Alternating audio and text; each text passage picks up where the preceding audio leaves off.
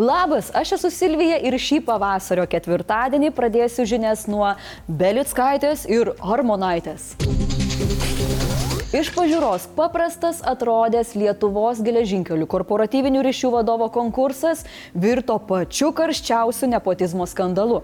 Tačiau panašu, kad ugnis gesta, nes Agne Facebook'e paskelbė, kad traukiasi iš laimėtų pareigų, o vakar jos vyras, ekonomikos ir inovacijų viceministras Vinsas Jurgutis, pranešė nutaręs atsistatydinti. Jo nuomonė reikia kraujo ir atsakomybės. Jei reikia, tai duos. Armonaitė tą kraują priims ir prašymą tenkins. Belickaitė skandalą pavadino absurdu ir pasipiktino, kad į jį savo trigrašius įkišo tiek Laisvės partija, tiek ir pats prezidentas.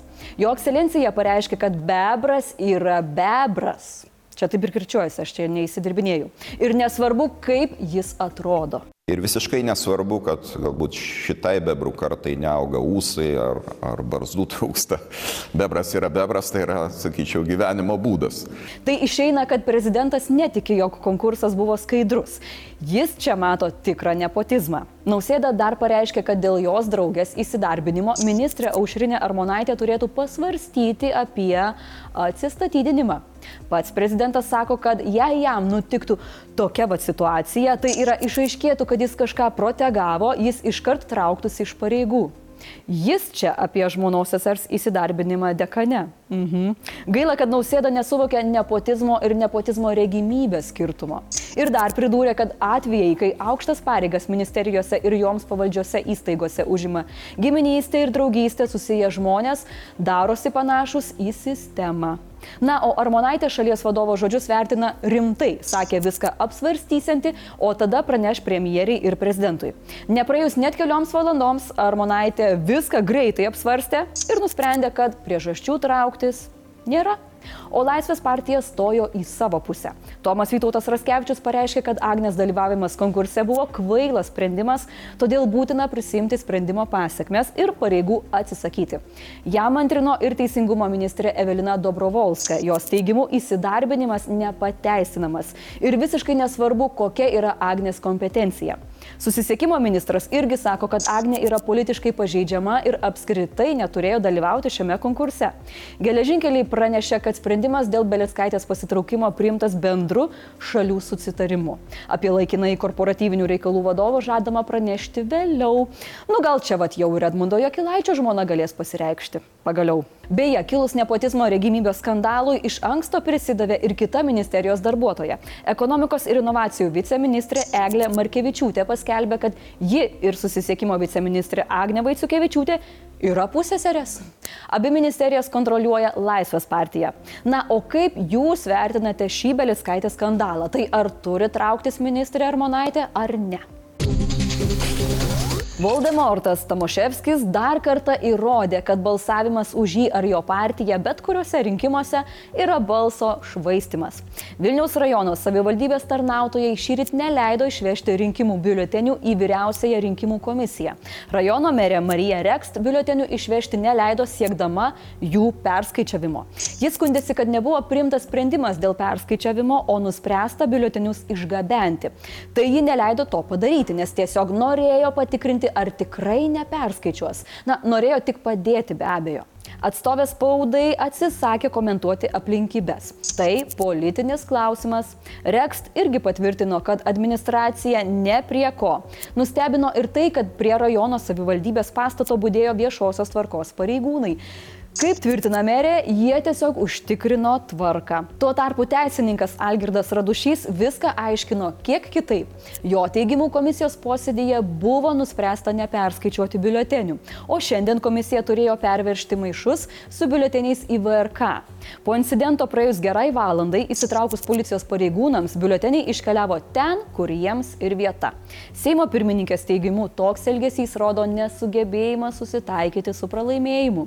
Socialdemokratai Socialdemokratė Dovilė Šakalienė teigia, kad nurodymus galėjo duoti pats Tomaševskis.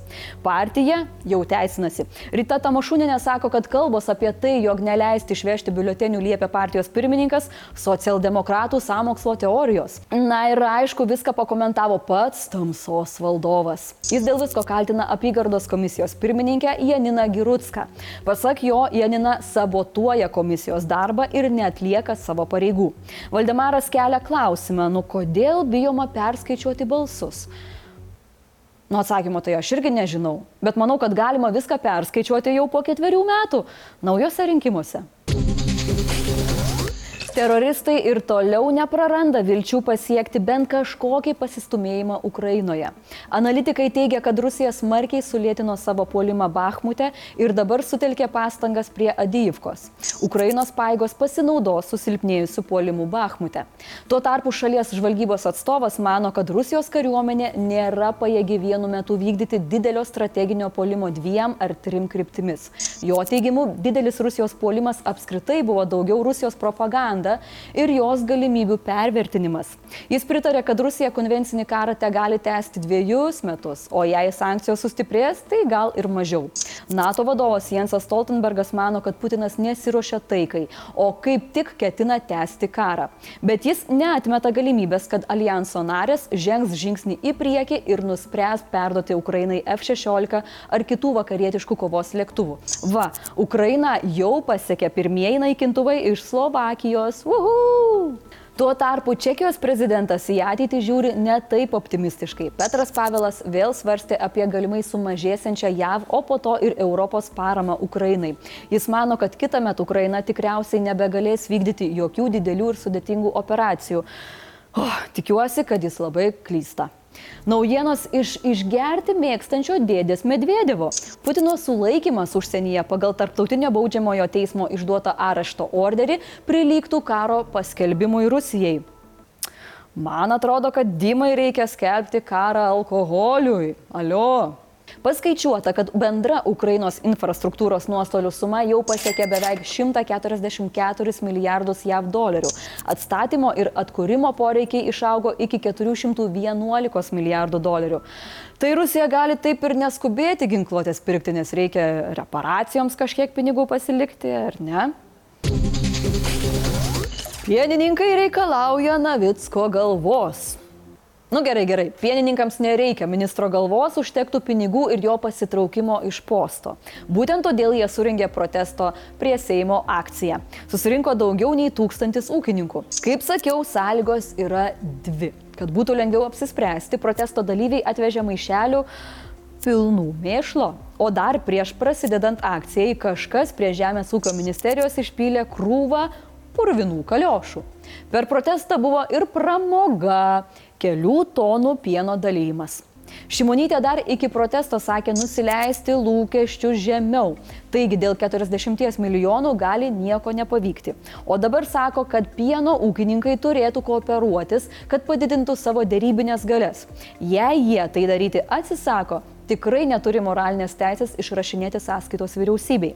Iš posto verčiamas Navickas pieno gamintojams iš Europos komisijos prašo skirti 18,6 milijono eurų paramos per ketvirtį, kol kainos normalizuosis. Tokiai paramai reikia visų šalių narių ministrų pritarimo. Laukti teks apie dvi savaitės. Tiek pienininkai laukti nenori, nes yra kritinėje padėtyje. Darbo partijos frakcijos nario Vigilijaus Juknos manimu, vyriausybė visgi turėtų krapštyti biudžetą biudžetą, nes tai būdavo daroma per ankstesnės krizės. Pieno krize kilo, nes po labai aukštų kainų 22 metais dalis pasaulinių maisto kainų staigiai sumažėjo. Lietuviai didelę dalį pieno eksportuoja, todėl norėdami išlaikyti savo konkurencingumą pasaulyje, sumažino supirkimo kainas ūkininkams. Nu ir va, turim ką turim. Blitz naujienos. Lietuvos politikai žada priešintis ES koridoriuose brandinamoms sankcijų išimtims baltarusiškoms trašoms.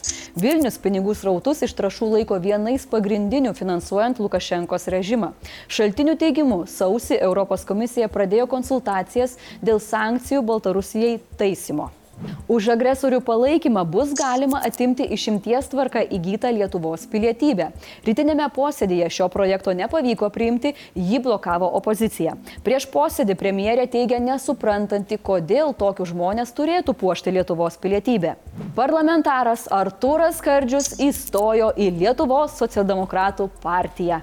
Jam prisijungus socialdemokratų frakcija Seime turės 13 narių. Skardžius iki šiol priklausė darbo partijos frakcijai. LSDP vicepirmininkas sako, kad tai yra klaida.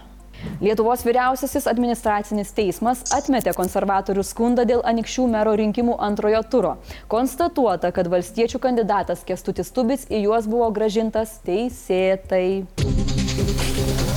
Mėlyjeji, priminsiu šios dienos klausimą. Tai ar reikėtų atsistatydinti aušriniai ar monaitėjai? Rašykit, rašykit, būtinai visi paskaitysim, čia susėsim. Jūs, kai valgot, mėgstat dalintis ar irgi nelabai?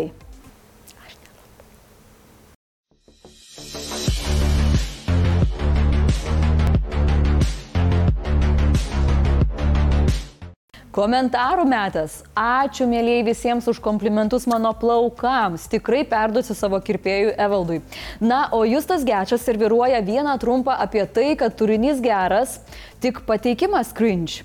Aišku, jei Dr. Mike tau šitą žinias pateiktų, tai žymiai labiau patiktų, ar ne?